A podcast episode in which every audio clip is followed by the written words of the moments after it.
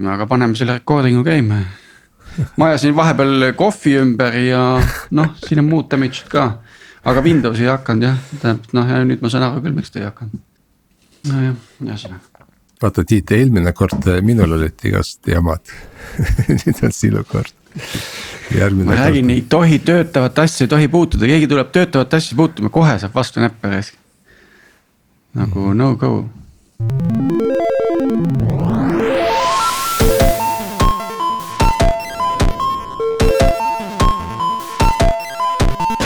täna on äh, neljateistkümnes jaanuar, õues on külm õhk, lumi ja koroona.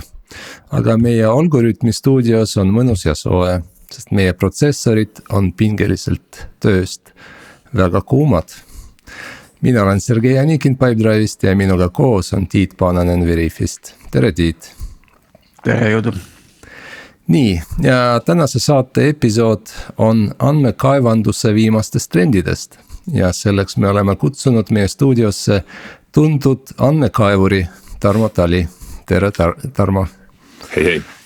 Äh, nii, ja Tarmo ei ole meie stuudios esimest korda äh, kõik, kes pole eelmist episoodi Tarmoga kuulanud, soovitan seda kuulama minna, kas enne või peale tänast episoodi.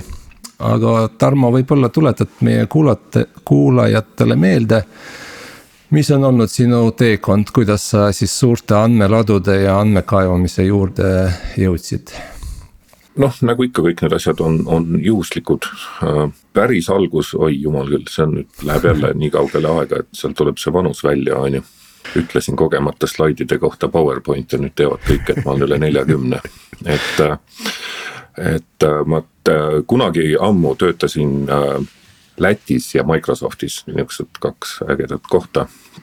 ja seal ma tegelesin Microsoft SQL serveri müügiga Baltikumi enterprise klientidele ja sel hetkel muidugi kõik nagu naersid laginal, kui sa läksid Microsofti enterprise'i müüma, sellepärast enterprise tähendas Oracle't ja Sun'i on ju, et kui sa nagu PC platvormi ja Microsoftiga läksid, siis sind keegi ei võtnud tõsiselt ja üks viis, kuidas jalg ukse vahele saada, oli Microsoft SQL serveril oli analüüsis services, mis oli oma aja kohta väga sihuke innovatiivne ja kõva toode. Äh, selle läbi ma õppisin seda tundma ja, ja kui ma sealt Microsoftist ära tulin ja Skype'i läksin, siis ma hakkasin seal oma laptop'is nagu mingisuguseid analüüsikuubikuid sellega nagu kokku keerama.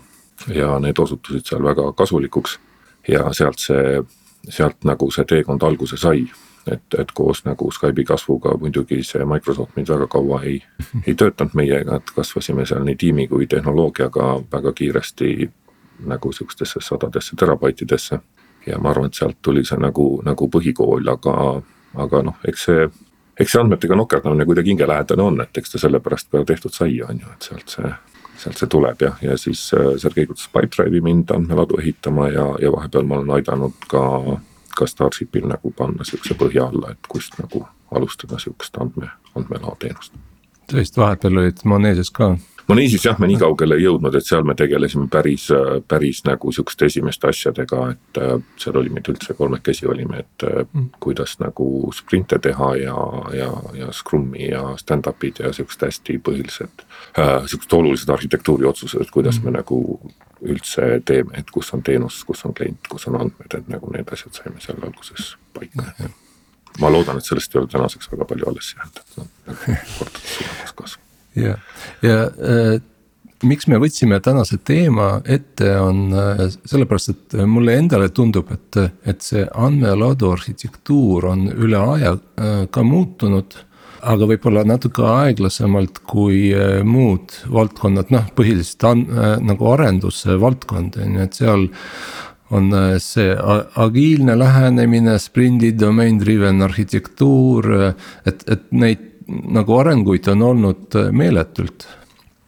Äh, aga selline andmeloo äh, evolutsioon võib-olla ei käinud nii kiiresti kaasas ja sellest on tekkinud omajagu probleeme. et võib-olla äh, räägime kõigepealt äh, mis evolutsioon on siiamaani on olnud, et, et kuidas alguses tehti nii-öelda, korjati andmeid ja, ja analüüsiti neid ja, ja kuidas seda tänapäeval tehakse ja miks äh, sellest äh, ei piisa ja mida tuleb edasi teha? võib-olla päris nagu, nagu sellega nõus ei ole, et andmetega ei ole midagi olulist toimunud, ma arvan, ütleme tehnilises valdkonnas on nagu mm. viimase kümne-viie aastaga hästi-hästi oluline progress toimunud, seal väga palju uusi võimekusi on. võimekusi on tulnud ja osad need uued tehnilised võimekused loovadki nagu sihukese baasi ka, ka organisatsiooniliselt äh, edasi liikuda.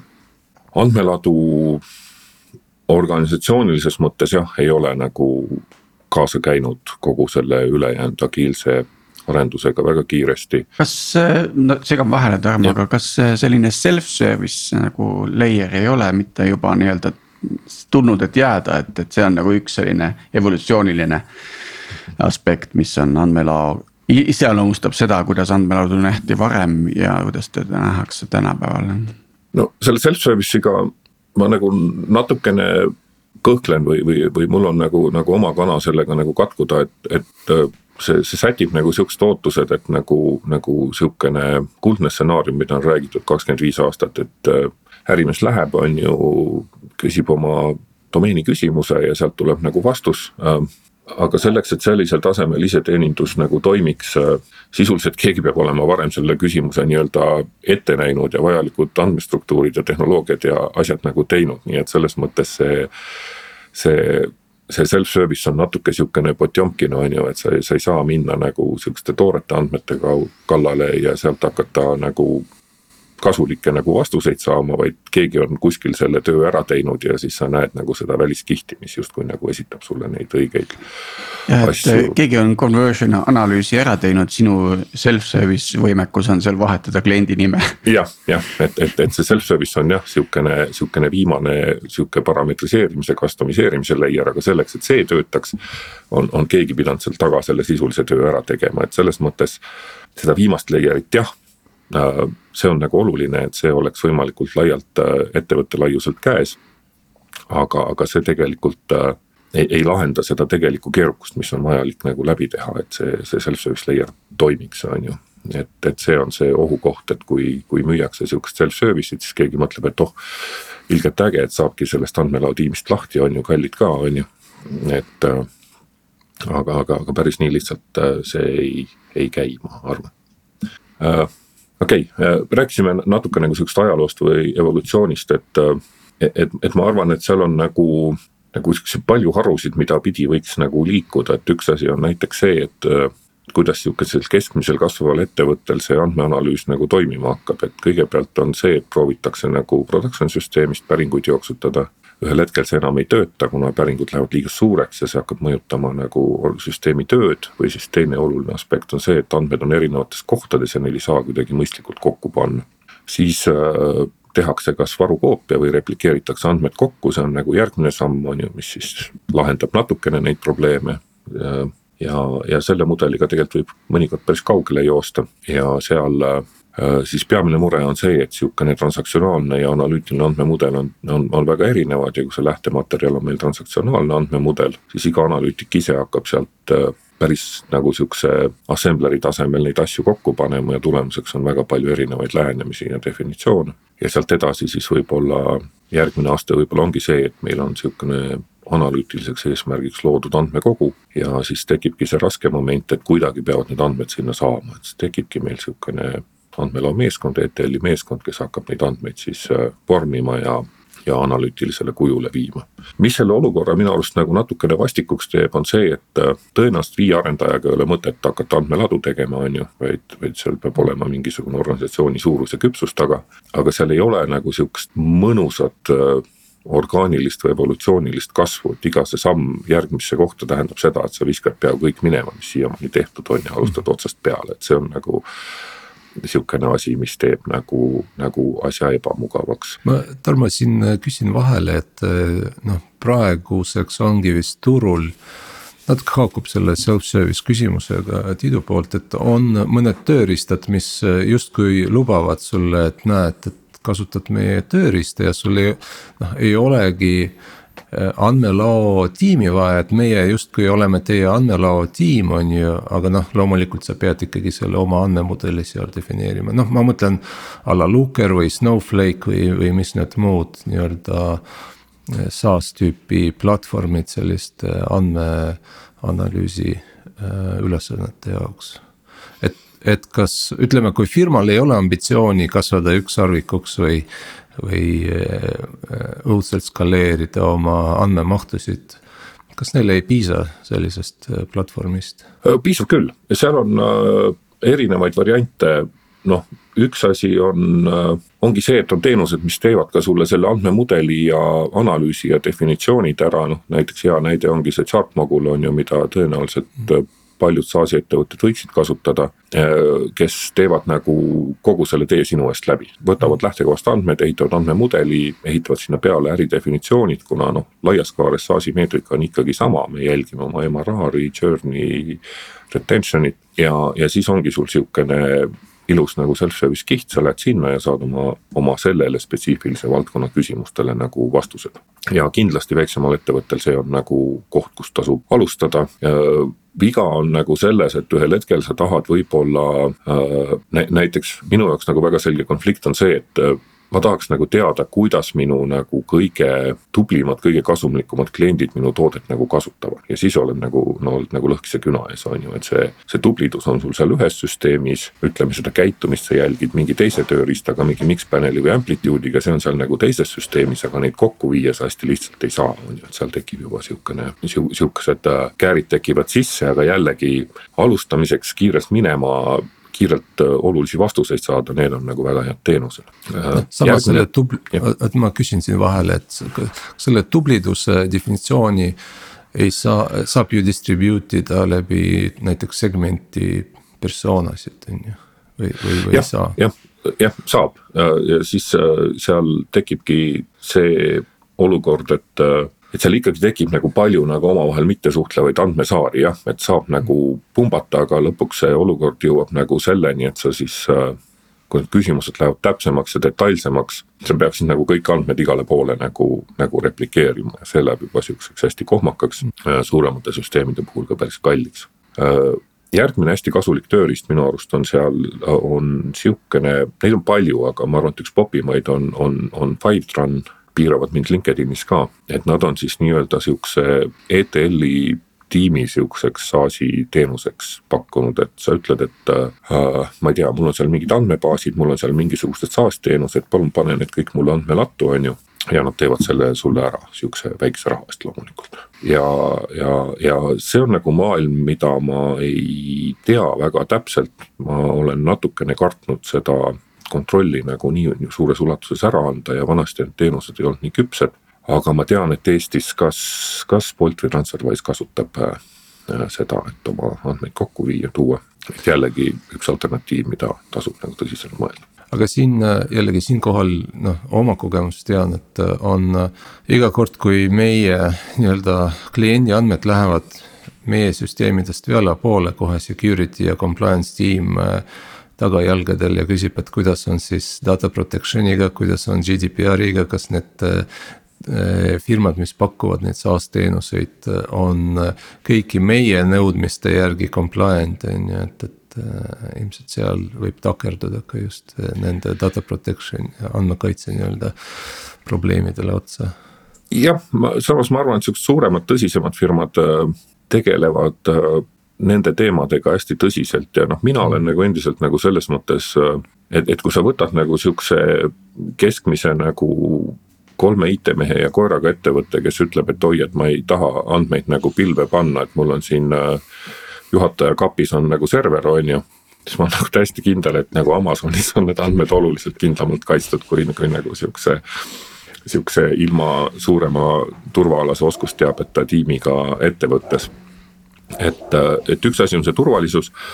Äh, natukene võib-olla minu jaoks on hirmutav see, et, äh, et kuigi Fivetran vist võimaldas ka seda, et nad lihtsalt nagu laadisid ja, ja laadisid täielikult sinu kontrolli all olevasse, olevasse struktuuri. et mida, mida, mis, miks ma ise olen nagu sihukesi kontrolli äraandmist kartnud, on eelkõige see, et minu arust andmetega saab väga palju ägedaid asju teha.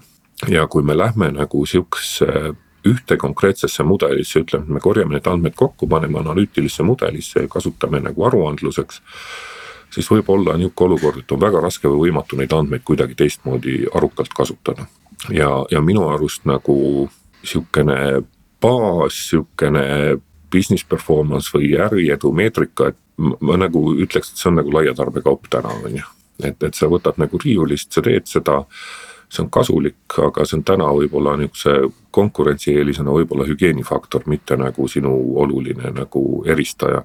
et minu arust on oluliselt ägedam see, et me saame nende andmetega põnevamaid asju teha, on ju, et me saame äh, mingeid muudatusi jälgida, kasutaja käitumise põhiseid alerte teha, segmenteerida neid, et, et, et seda paindlikkust nagu võib puudu jääda, kui me anname kogu selle kontrolli ära ja, ja minu arust seal on nagu sihuke see äh,.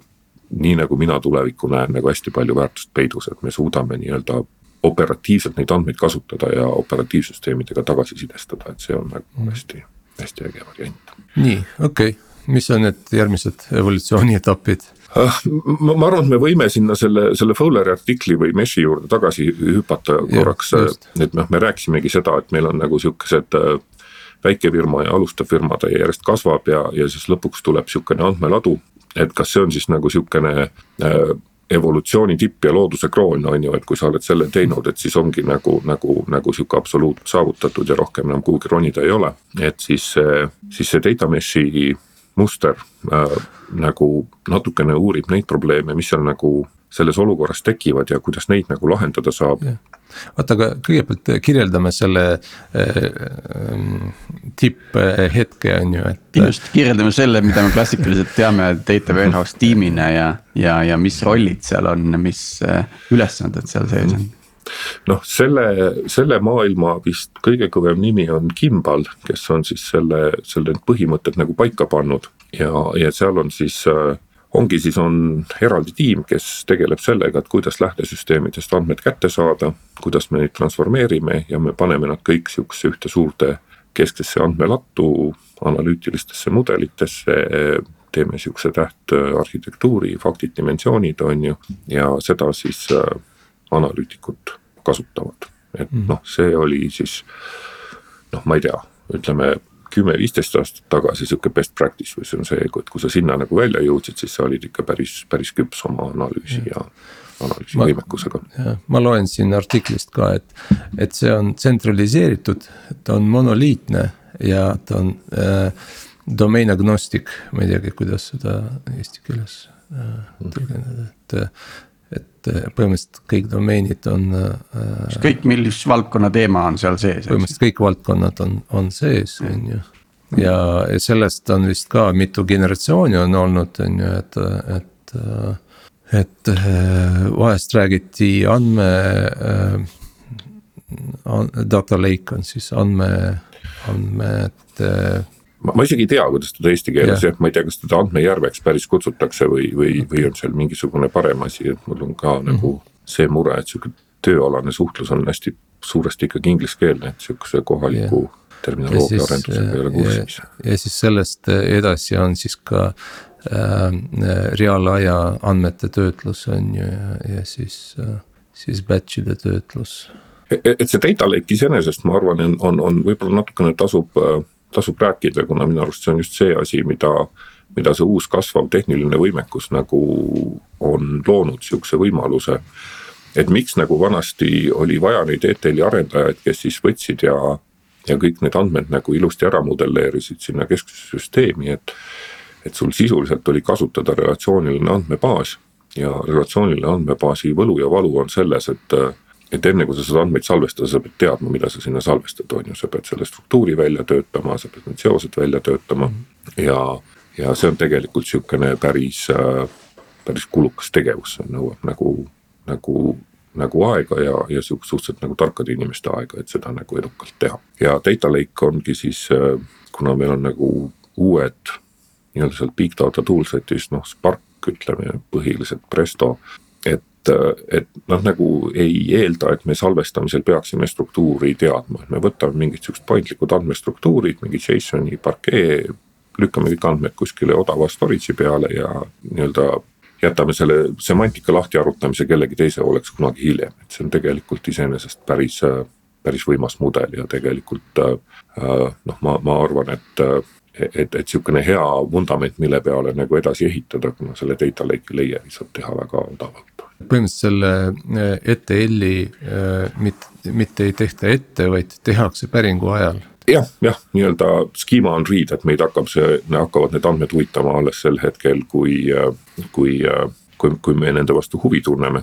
et seal on nagu paar paar asja, mis tegelikult noh, minu arust, kui me, kui me räägime sellest, ütleme data mesh'i artiklist ja data mesh'ist ja sihukesest klassikalisest andme, andmemudelist, siis äh, seal on kaks aspekti, ma arvan, mis, mis, mis võib-olla natukene omavahel vastu räägivad, aga mõlemad on nagu olulised. esiteks see data mesh ja schema on read annab meile sihukese võimekuse, et me ei peagi teadma, mis andmed seal kõik on. meid nagu väga ei huvita ka, sel hetkel, kui meil küsimus tekib, äh, siis me lähme proovime aru saada, mida need väljad tähendavad, ehitame oma analüütilise või operatsioonilise andmetöötluse sinna peale. ja, ja minu, minu kogemus ütleb, et noh, ütleme üheksakümmend protsenti lähteandmestikust ei ole sulle võib-olla kasulik. Või noh, teda ei kasutata igapäevaselt andmelaos, see on suhteliselt vähe, suhteliselt väike asi on see, mis on pidevalt nagu kasutuses ja selle eelis ongi see, et me seda üheksakümmend protsenti ei peagi nagu lahti mõtestama, et mida need andmed tegelikult tähendavad, mis nende. teine asi ja ma arvan, et mis on nagu sihuke põhiline driver, mis, mis on selle tsentraalse andmelao suur mure, on see, et see tsentraalne andmeladu on justkui nende andmete omanik. ja siis meil tekib sihukene jabur olukord, et meil on sihukene andmelao tiim on ju noh, ta tõenäoliselt ei ole nagu poole organisatsiooni suurune, vaid sihukene suhteliselt nagu pisikene kamp ja need inimesed peaksid teadma kõike, mis toimub see on sisuliselt üks tiim äh, mitmest arendustiimist on ju, ütleme, et kui. kui meil on äh,, ma ei tea, viis, kümme arendustiimi, siis andmelao tiim on üks nendest on ju, ehk. aga, aga kui need analüütikud seal ongi jagatud nagu funktsioonide peale ära, et üks, üks töötab ühe meetrika setiga, teine töötab teisega. siis ju neil iseenesest justkui on võimekus katta üle tervet organisatsiooni, kõiki funktsioone see, seal on omaette teemad ja mured, et, et esiteks on see, et, et kas need analüütikud saavad läbi selle, selle data toolset'i nagu aru kas see nii-öelda nende küsimus jõuab, ühesõnaga analüütik peab ka kuskilt selle küsimuse küsima. Et kui ta ütleb, et ma hakkan nüüd sinu toote mingit kasutust või journey analüüsima, siis mind tegelikult huvitavad sinu toote spetsiifilised asjad. Ja kus nende asjade data on, et ta nagu peab kuskilt selle küsimuse küsima, et ta või ja noh, tema esimesena ta läheb siis ütleme andmelao tiimi käest seda küsima. ta tegelikult võib-olla peaks minema küsima nii-öelda selle looja tiimi käest, kes on need andmestruktuurid nagu välja mõelnud. Ja seal võib olla küsimus, et kas kas see andmelao kiht seal vahel võimaldab seda küsimust üldse küsida või, või, või, või need, see, kuidas andmed analüütikule näevad, on nii palju erinevad võrreldes sellega, kuidas see arendaja neid kunagi disainis, et nad ei saagi nagu mm -hmm. aru, nad ei saa, millest nagu jutt käib äh,. analüütikute paiknemine on eraldi sihukene vihmaussipurk, et ma ei tea, kas me tahame seda üldse nagu täna nagu lahti teha Aga.... ärme seda tee, ma, ma, ma tahtsin lihtsalt natuke veel kommenteerida seda sinu Ähm, mm, äh, nii-öelda fakti, et jah, meil on need äh, nüüd uued tehnoloogiad, mis võimaldavad äh, seda ETL-i nihutada hilisemaks faasiks, on ju, et lihtsalt salvestame kõik andmed. aga ma, ma lihtsalt tahtsin kommenteerida seda, et jah, tehnoloogiat on, aga ega nad niisama ei tekkinud, on ju, ilmselt see. Nad tekkisid selle tõttu, et see andmelao tiim oli nagu selle kriitilise tootearenduse äh, paav'i peal, ehk nad olid justkui äh, blokeerimas seda noh, ütleme tootearendust või toote launch'i. sest äh, noh, seal, et kui sul on selline andmepõhine organisatsioon ja ta soovib ikkagi ka uute toodete kohta analüütikat saada ja siis noh, sul on kümme tiimi, kõik korraga arendavad kümme erinevat toodet ja siis on üks andmelao tiim, kes võtab neid järjest nii-öelda, et siis sa ei saagi kümme toodet korraga äh, launch ida, vaid sul, sa launch'id neid nii, nii kiiresti, kui sul andmelao tiim neid äh, analüütikat äh, suudab kokku korjata, on ju, või andmed äh, transformeerida, et, et. ja siis, see ei pea olema ainult tootetiim, et see võib olla ka mingisugune muu, ma mäletan Pipedrive'ist ehedalt, kuidas me läksime mingi oma testi dataga. mis oli S3-e salvestada, et kuule, me tahaks nüüd seda analüüsida siin, et umbes, et kuidas ja. ja siis noh, käe kõrval äh, viidi PySparki juurde ja võimaldati see analüüs, eks ju. ma, ma lihtsalt tahan öelda seda, et, et, et kogu trend nagu tarkvaraarendus on see, et, et võr-, võimalikult vähe äh, sõltuvusi äh, tiimide vahel.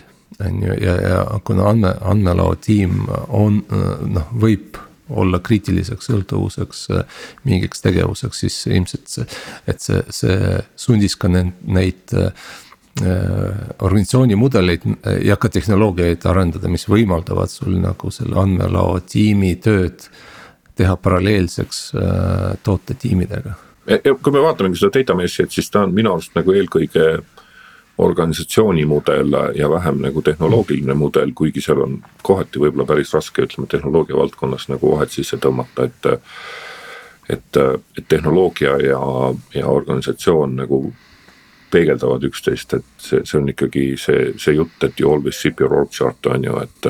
et see, see, mis sa ship'id alati peegeldab sinu organisatsiooni, on ju, et et kui ma sõitsin nagu Nissaniga, siis oli mul kaks kellaaega, üks oli seal selle no ütleme tahomeetri ja spidomeetri juures ja teine oli seal mingisuguses suurema ekraaniga peal, et siis neid tuli eraldi sättida, sellepärast et sai kohe aru, et eraldi tiimid tegid neid. Äh, mis minu jaoks oli nagu hästi huvitav küsimus, et äh, ma ostsin just hiljuti endale Apple'i iPad'i. Ja siis see iPad ütles, et kuule, et sul telefon on, et pane korraks sinna nagu lähedale ja siis ta ütles, et okei okay,, et ma nüüd tean sinu Apple'i ID-d ja Wi-Fi't ja värki, et las ma nüüd sätin selle asja püsti ja siis ma. mind isegi huvitas, et kuidas nad seda teevad. kuidas nagu kaks sihukest suurt võimekat toodet on, on võimalik kokku panna, nii et nad koos töötavad, aga noh, see on nagu sihukene äh,. sihukene kõrvalepõige siis sellest jah, et, äh, et see data mesh eelkõige nagu organisatsiooni mudel ja miks see Sergeile väga meeldib, on see, et Sergeile meeldib vihata tsentraalseid kontrollivaid äh, organisatsiooni tükke on ju, et kui kuskil tekib mingi sihukene asi, mis on nagu. nagu keskne ja, ja ma olen sellega nagu täiesti nõus, et äh, et see on sihukene hästi lihtne lahendus, et kuule, et meil oleks nagu turvat vaja, okei okay,, teeme security tiimi, on ju, et äh, meil on nagu kvaliteeti vaja, teeme kvaliteeditiimi, las nemad nagu lahendavad. Data't vaja, okei okay,, teeme data tiimi, las nemad nagu lahendavad ja alguseks on isegi hea muster, aga, aga ühel hetkel sa pead mõtlema, et kuidas see nagu skaleerub, et kui, kui organisatsioon kasvab, keerukus kasvab, et kuidas me nagu tagame seda, et. et meil ei ole nagu. pudelikael. viis nagu tugisüsteemi, kes tegelikult siis kõik hoiavad nagu nii-öelda seda põhitootearendust nagu kinni ja ütlevad, ei, sa ei saa seda teha, sa ei saa toda teha, sa ei saa kolmandat asja teha, enne kui sa noh, ühesõnaga. See on nagu hästi oluline aspekt selle juures. Ja, ja siis see, see data mesh ongi nagu sihukene kõrgel tasemel muster välja visatud, et mida me siis, mida me siis teeme selle olukorraga, et kuidas me selle tsentraalse organisatsiooni saame niimoodi tükkideks teha, et tiimid äh, saavad sõltumatult liikuda ja nad ei pea siis ootama selle keskse, keskse data, data, data organisatsiooni järel, et sealt vastused hakkaksid tulema. Ja tegelikult see ju täpselt samamoodi viib meid selle self-service mudeli poole aga ta self-service selles, selles mõttes, et ta ei ole self-service lõppkasutajale, vaid ta on self-service äh, arendustiimile, et.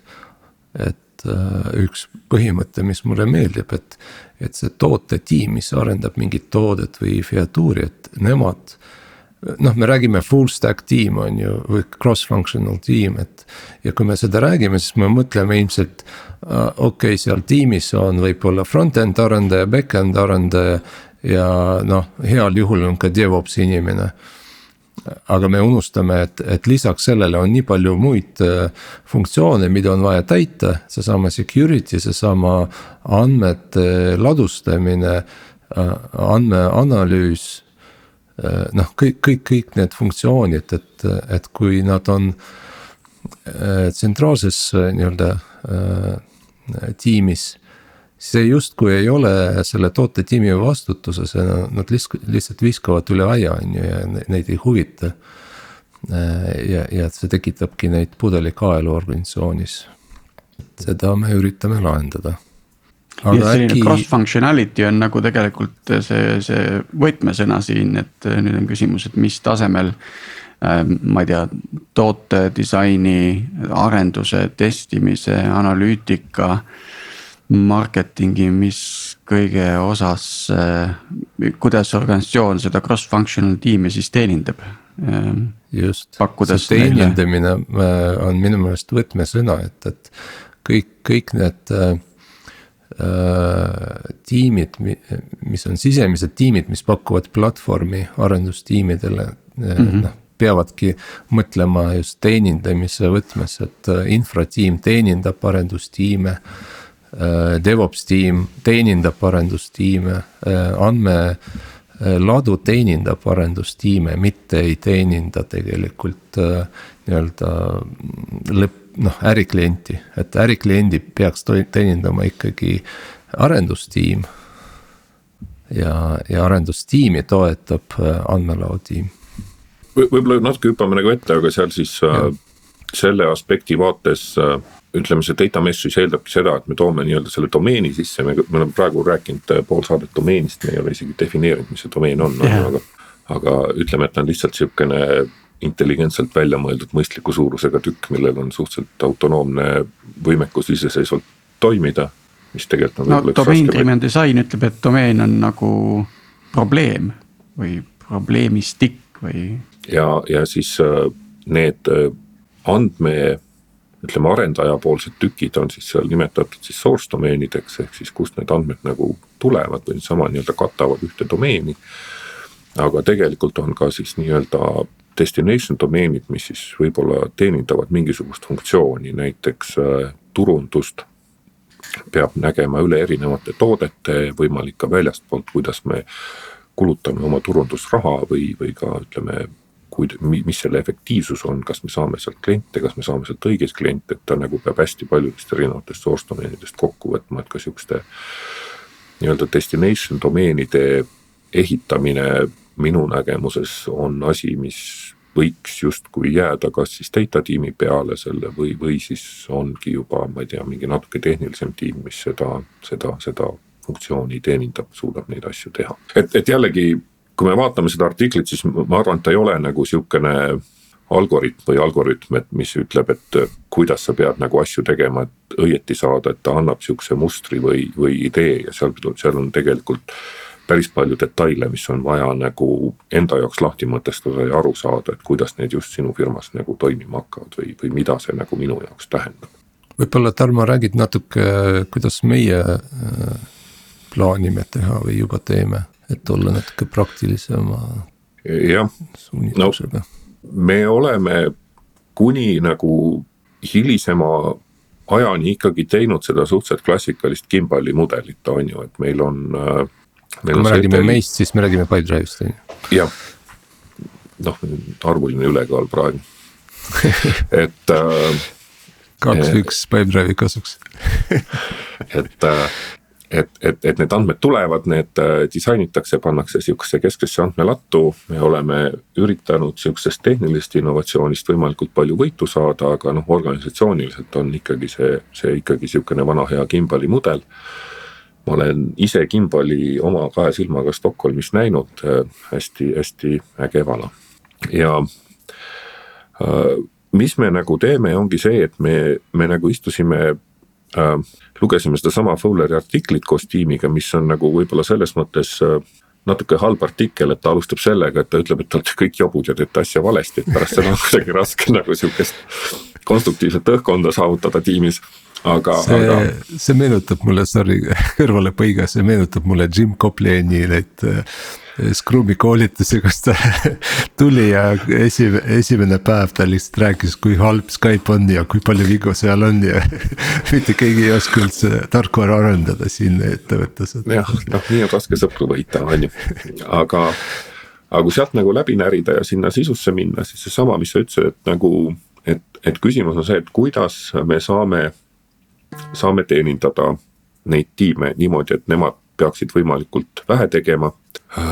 siis äh, sellest dokumendist või, või sellest jutust kumab just nagu läbi, et tegelikult need erinevad tiimid võiksid ka täiesti vabalt erinevaid tehnoloogiaid kasutada.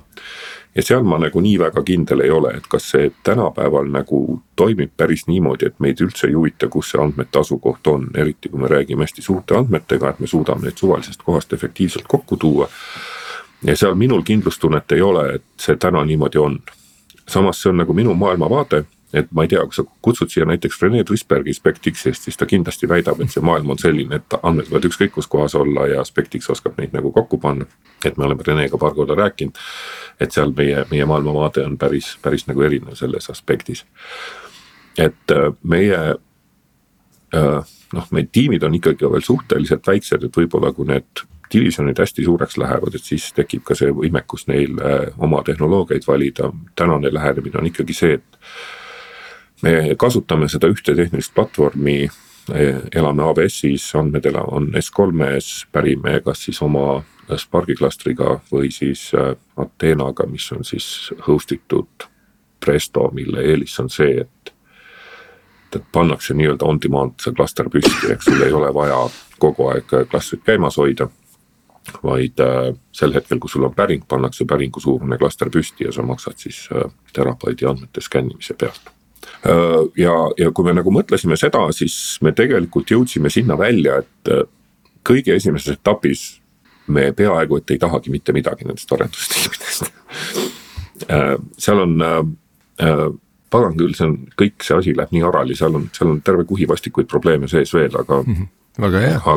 aga see viis, kuidas kuidas meie seda kasutame täna, on see, et me me, me kasutame nii-öelda mikroteenuse sisemist andmestruktuuri, sisemist ehitust hästi paljudel juhtudel, ehk me nii-öelda hiilime tiimi selja taha, võtame nende andmebaasi niimoodi vopsti ära. ja, ja paneme selle andmelattu ja mõte oli see, et me suudame tegelikult seda esimesel tasemel teha peaaegu täiesti automaatselt. et me tahaks nagu arendustiimidele anda nii palju, et nad minimaalselt annoteerivad need andmed ära. et nad võtavad oma andmekogud ja ütlevad, kuule, see on siin primary key, see on nagu sihukene peamine ajaväli, mis, mis meie timeline'i joonistab. siin on äh, kas siis äh, turvalised andmed või siis privaatsed andmed, mida ei tohiks nagu viia ja see on kõik, mis me nendest tahame. edasi me võtame need andmed sealt ära, paneme nii-öelda sihukese data lake'i valmis ja ilu on siis selles, et, et sealt edasiminekuks saab juba kasutada sihukest standardset toolset'i on ju, me saame kasutada Sparki nende transformeerimiseks, need andmed on juba ka sellel tasemel kättesaadavad, kas siis näiteks mingisugustele masinaõppetiimidele.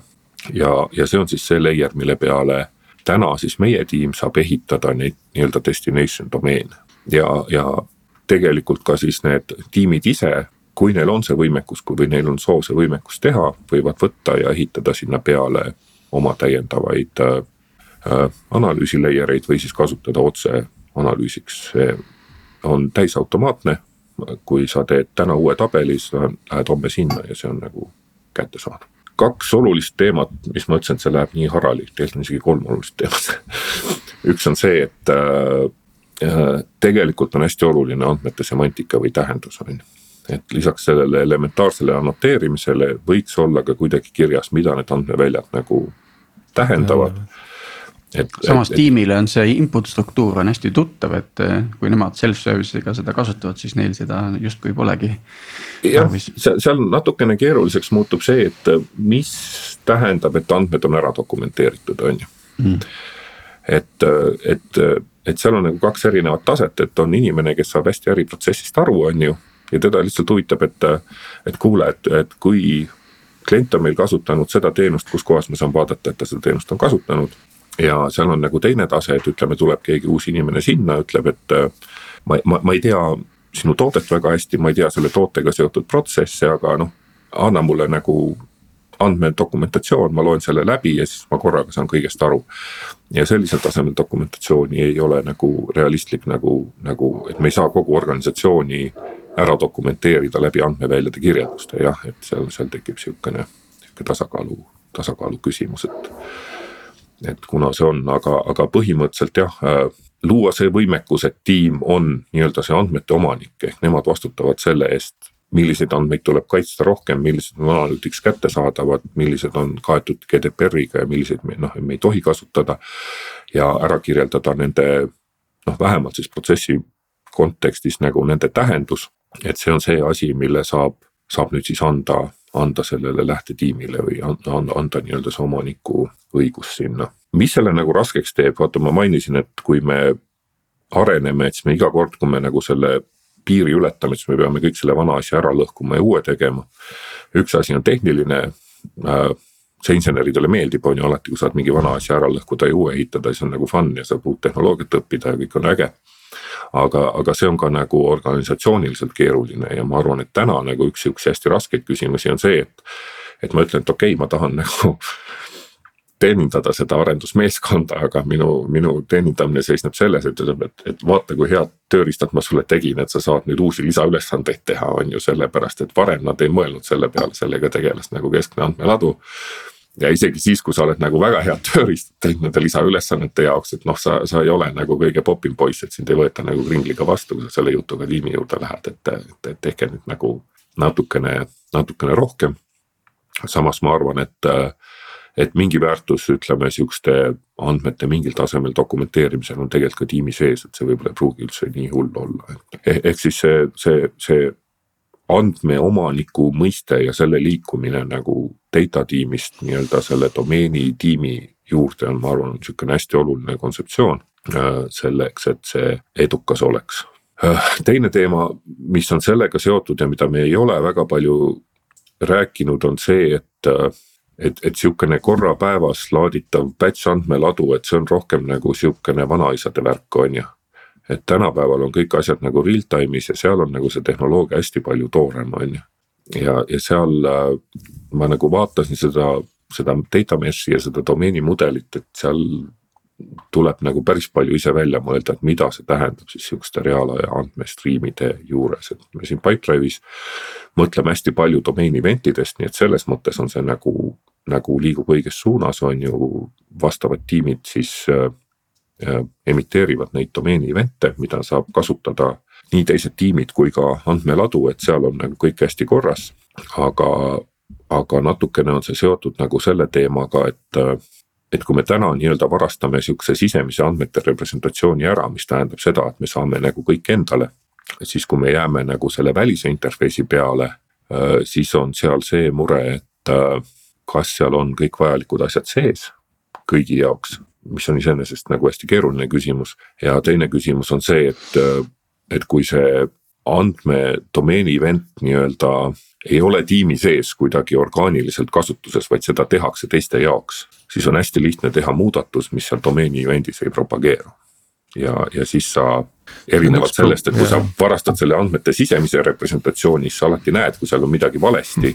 kui sa näed seda, seda välist pilti, siis sa näed põhimõtteliselt seda, mida tiim tahab, et sa nagu näeksid, on ju, ja sa võib-olla neid sisemisi mingisuguseid probleeme ei, ei näegi või ei leia üles.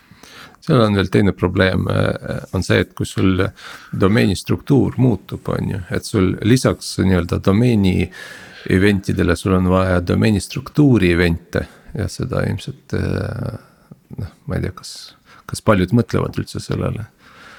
noh, kasvõi see, et sul on domeeni objekt ja sa panid ühe atribuudi juurde ja nüüd sa saadad uue struktuuriga domeeni event'e on ju, aga see.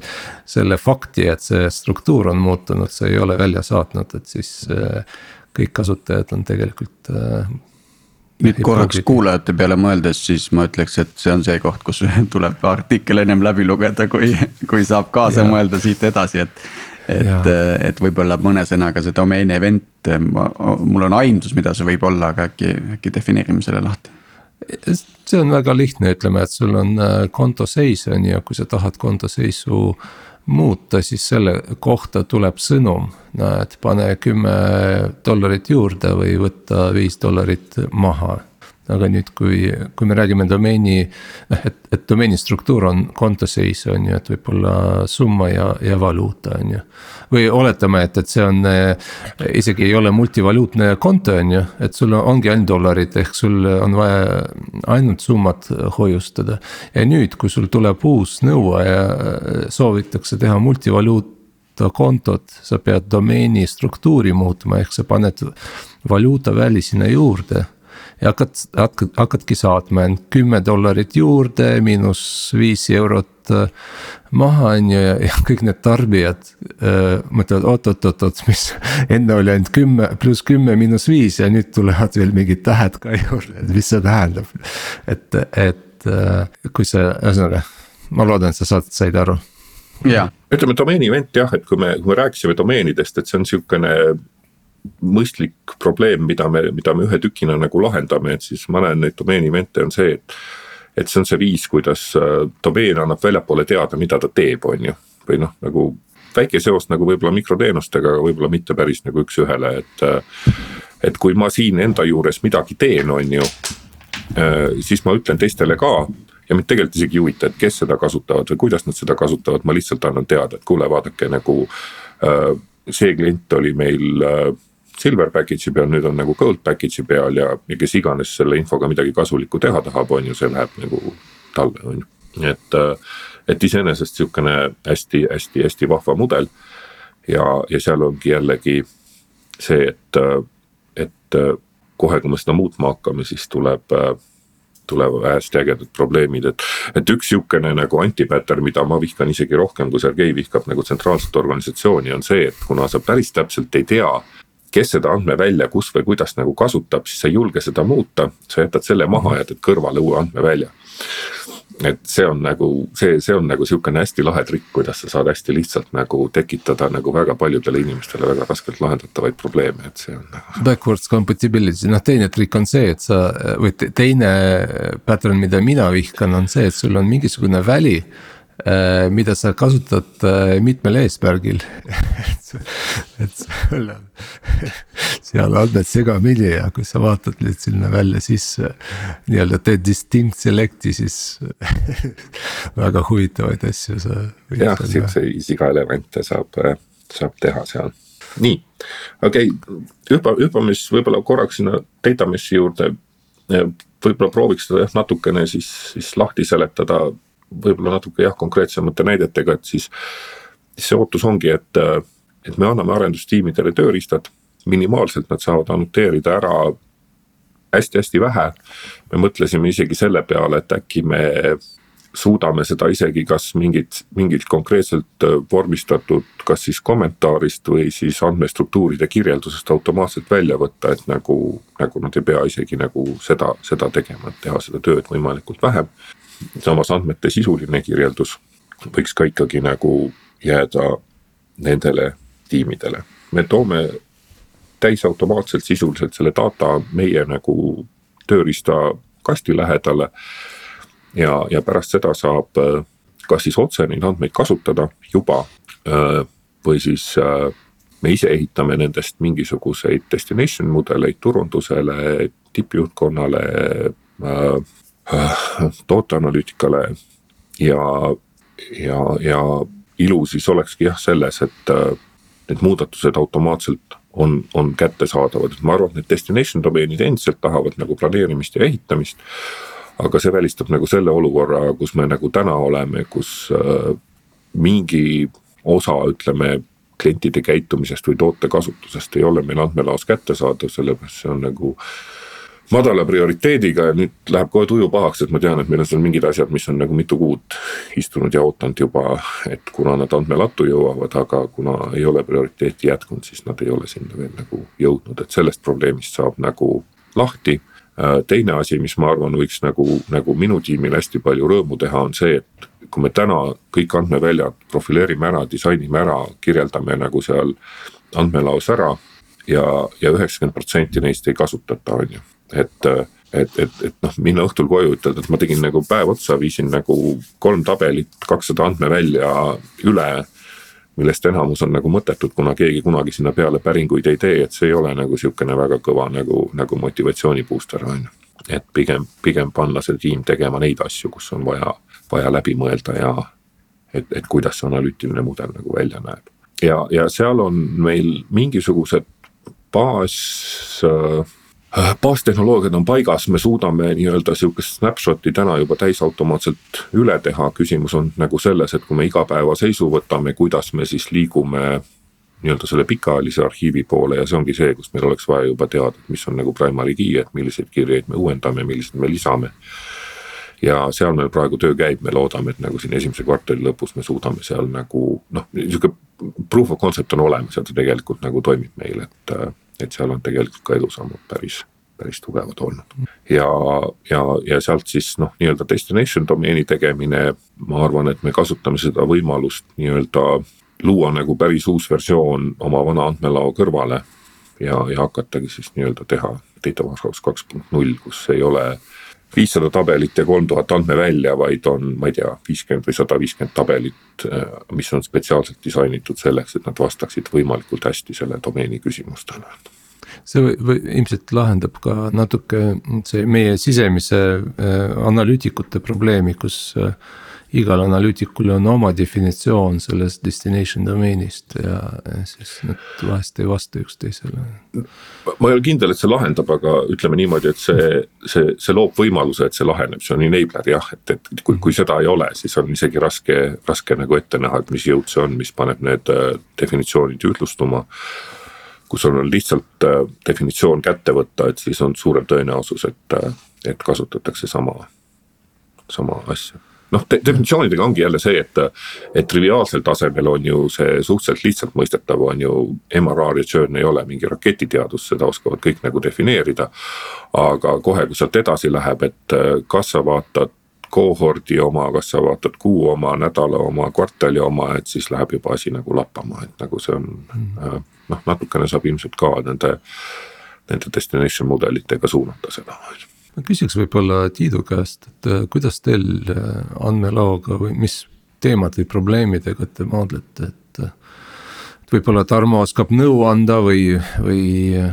ma just mõtlesin selle peale, et üks, üks väga hea teema on ju seesama, et kuidas jagada need analüütikud funktsioonide peale, et nad saaksid keskenduda ja teenindada nii-öelda seda seda funktsiooni, kes on siis nii-öelda cross-functional, et, et sinna tuua see analüütika võimekus juurde, eh, et siis ta nii-öelda data warehouse'i tiimist kasutaks äh, nagu toolset'i ja, ja skillset'i ja sellist nagu discipline knowledge'it ja siis.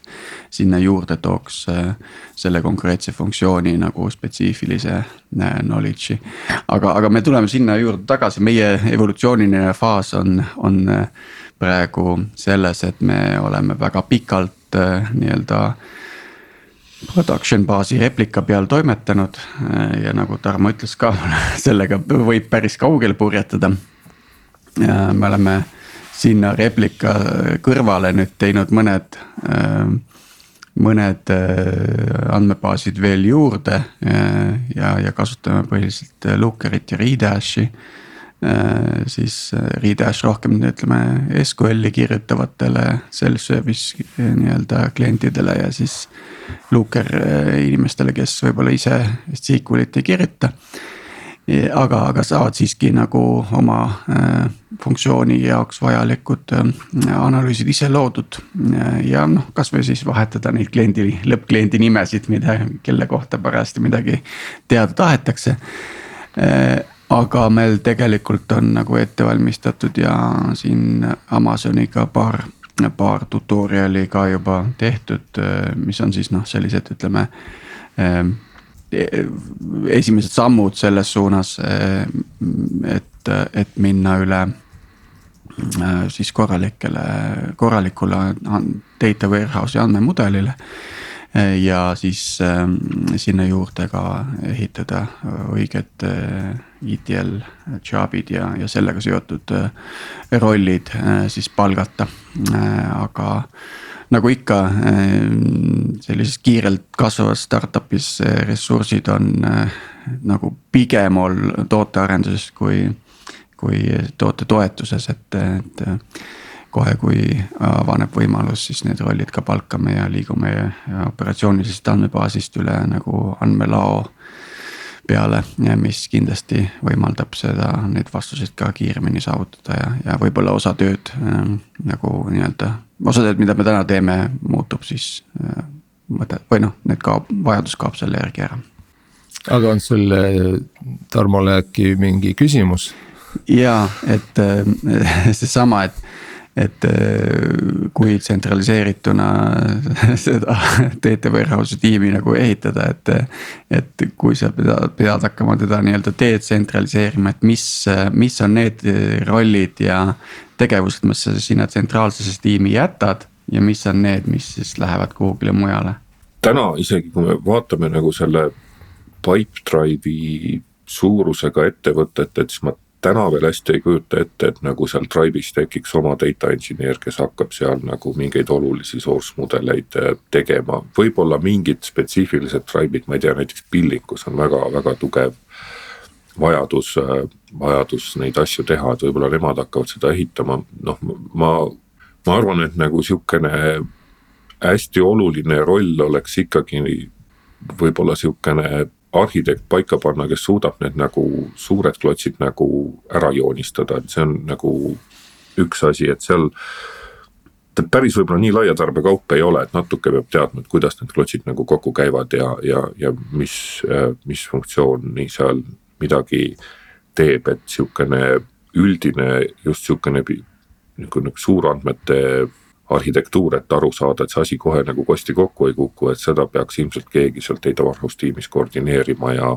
tegema, et pärast seda võib mõelda, et et kas siis sinna lähevad andmed Fivetroniga või siis arendajad ise panevad sinna või selleks on, ütleme, arendaja seal äh, data warehouse'i tiimis, et seda saab siis juba nagu. juba nagu edasi mõelda, aga, aga ma arvan, et see on seal nagu oluline, et need tehnoloogiad selliselt valida, et nad koos töötavad ja, ja kuidas nad koos käima lähevad no vot, see ongi seesama võlu, et kui sa elad operatsioonis andmebaasi peal, siis arendaja ei pea üldse mõtlema selle peale, eks ju. et nüüd, nüüd, kui me sealt edasi liigume, siis, siis tekib mingisugune probleem või tähendab, tekib mingisugune vajadus äh, arendustiimi sees ka kaasa rääkida selle andmemudeli ehitamisel, et, et milline no, on õige lähenemine mi,. minu jaoks on nagu selle, selle, selle transaktsionaalse mudeli kasutamise äh, sihuke suur peidetud kulu on see, et sa, sa võtad endale sinna analüütikud, kes on nagu tegelikult noh, võiksid olla nagu päris arukad inimesed ja võiksid nagu yeah. anda nagu hästi kõvasti nagu output'i. ja siis nad tegelevad kaheksakümmend protsenti ajast sellega, et äh, sealt nii-öelda transaktsionaalsest andmemudelist või nendest andmeaatomitest endale midagi kokku panna, enne kui nad saavad üldse hakata nagu hakata nagu analüüsi tegema, et see on umbes ja nad nagu teevad sama. seda over and over and over ja. again, eks ju. et sa, et sa, et sa palkad endale nagu tippkoka ja siis esimese asjana annad talle nagu ämbri kätte, ütled, et kuule, et mine too sealt kolme kilomeetri kauguselt vett endale, on ju. et äh, noh, ilmselt ta läheb, toob selle ära aga kas see on nagu kõige mõistlikum, äh, mõistlikum ja. nagu nende ajakasutus, et see, see on just see asi, mis äh, mis, äh, mis kulutab palju aega ja lõpuks võib-olla ka kulutab nende analüütikute nagu head tahet ja närvi, et sest nad ühel mm -hmm. hetkel ütlevad, et ma lähen parem äh, Swedbanka tööle, et seal on nagu data steward, kes toob mulle andmeid. okei okay., meil saade hakkab äh, lõpupoole jõudma. tahad sa, Tarmo, äkki veel mingisuguseid viimaseid soovitusi anda meie kuulajatele? Ah, ma ei tea, võib-olla minu jaoks nagu kõige olulisem on see, et vaata, me nagu siin istume tähtsa näoga lipsud ees, räägime tarka juttu, on ju.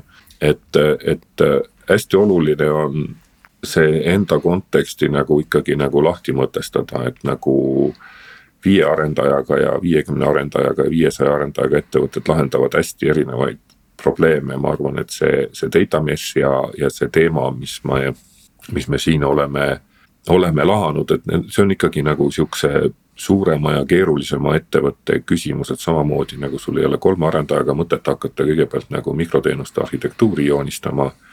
ei ole võib-olla mõtet nagu und kaotada selle üle, et mul ei ole keskset andmeladu.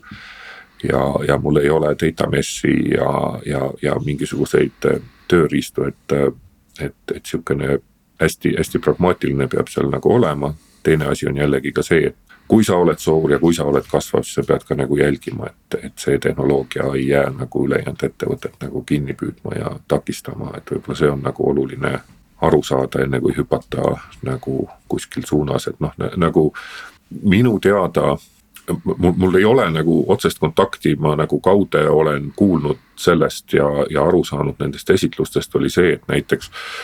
ma olen päris kindel, et TransferWise oli, oli päris suur unicorn ja nad töötasid ikka veel mingisuguste andmebaasi replikate ja sedalaadi tehnoloogia peal, et, et seal peab nagu aru saama, mis mis need vajadused on, on ju.